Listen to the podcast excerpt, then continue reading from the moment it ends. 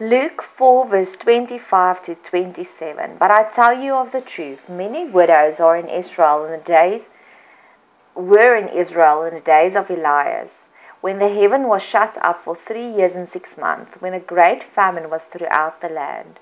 But unto none of them Elias was sent, save upon save unto Sarepta, a city of Sidon, unto a woman that was a widow and many lepers were in the Israel in the land of Elias the prophet, and none of them was cleansed, saving Naaman the Assyrian. This is my newest addition to my prayer life. Please, Lord, will you please make me your safe place, your happy place? This is so sad what Jesus is saying here that so many people will reject him in a world filled with so many people being angry and bitter towards God.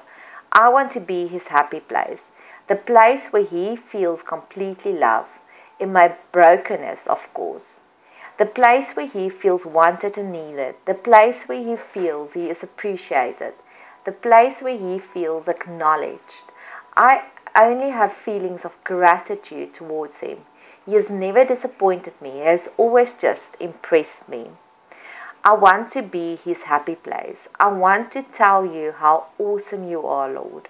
I want to brag to you about all you've done for me. If I were you, I would have kicked myself out 35 years ago, but you never gave up on me. I want to be your happy place. I want you furthermore to teach me daily about unconditional love.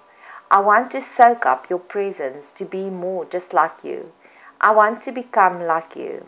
I want to be the widow that was open and receptive toward your help. I want to be Naaman that was healed. Please let me be your happy place, your safe place, the place where you are welcomed here. I'll run out to meet you outside my apartment. I'll give you a deep beer bear hug. I will say to you, I'm so glad you are here. I'm so glad you came to me.